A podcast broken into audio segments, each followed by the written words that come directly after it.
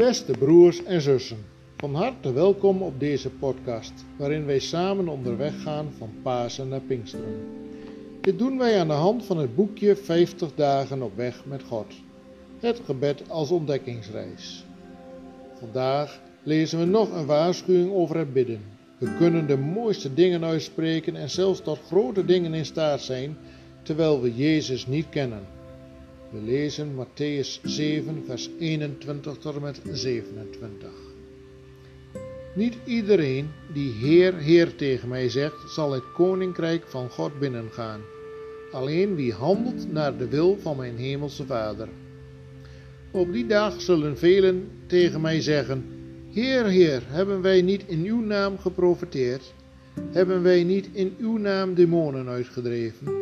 En hebben wij niet vele wonderen verricht in uw naam? En dan zal ik hun rechtuit zeggen: Ik heb jullie nooit gekend. Weg met jullie, wetsverkrachters. Wie deze woorden van mij hoort en ernaar handelt, kan vergeleken worden met een verstandig man die zijn huis bouwde op een rots.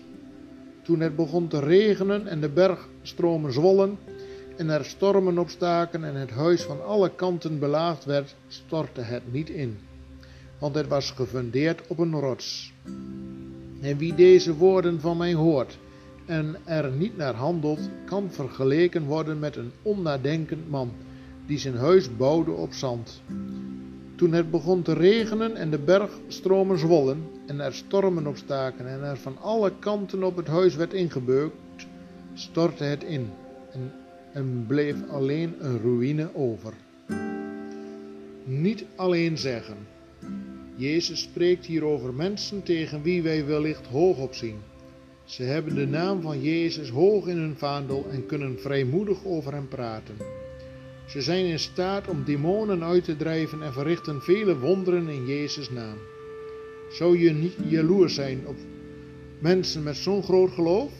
Nou, loop niet te hard van stapel. Het is mogelijk dat zulke mensen Jezus niet eens kennen. Terwijl ze de naam van Jezus noemen, zijn ze vol van hun eigen naam. En terwijl ze wonderen verrichten, doen ze dat slechts tot meerdere eer en glorie van zichzelf.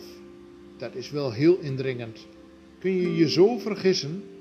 Is het mogelijk te denken dat je op het goede spoor zit en ondertussen alleen je eigen weg gaat? Blijkbaar wel. Het gaat om handelen naar de wil van de Vader, zegt Jezus. De oude spreuk ora et labora, dat wil zeggen bid en werk, is hier voluit van toepassing. Met bidden alleen kom je er niet. Je bent geroepen om te leven naar zijn wil ook wanneer dat niet opvalt, niet leuk is en je daarmee geen bewondering van mensen oogst. Gewoon er zijn voor dat meisje dat op school wordt gepest, voor die collega die het niet ziet zitten, voor die oudere die niemand meer heeft. Want als je zoiets doet voor de onaanzienlijkste mensen, dan doe je dat voor Hem. Lieve Heer Jezus, U bent de rots waarop ik mag bouwen. Wilt U mij helpen om naar U te luisteren en te doen wat u zegt. Zullen we danken en bidden met aansluitend een tekst uit liedboek 481 vers 1 en 2.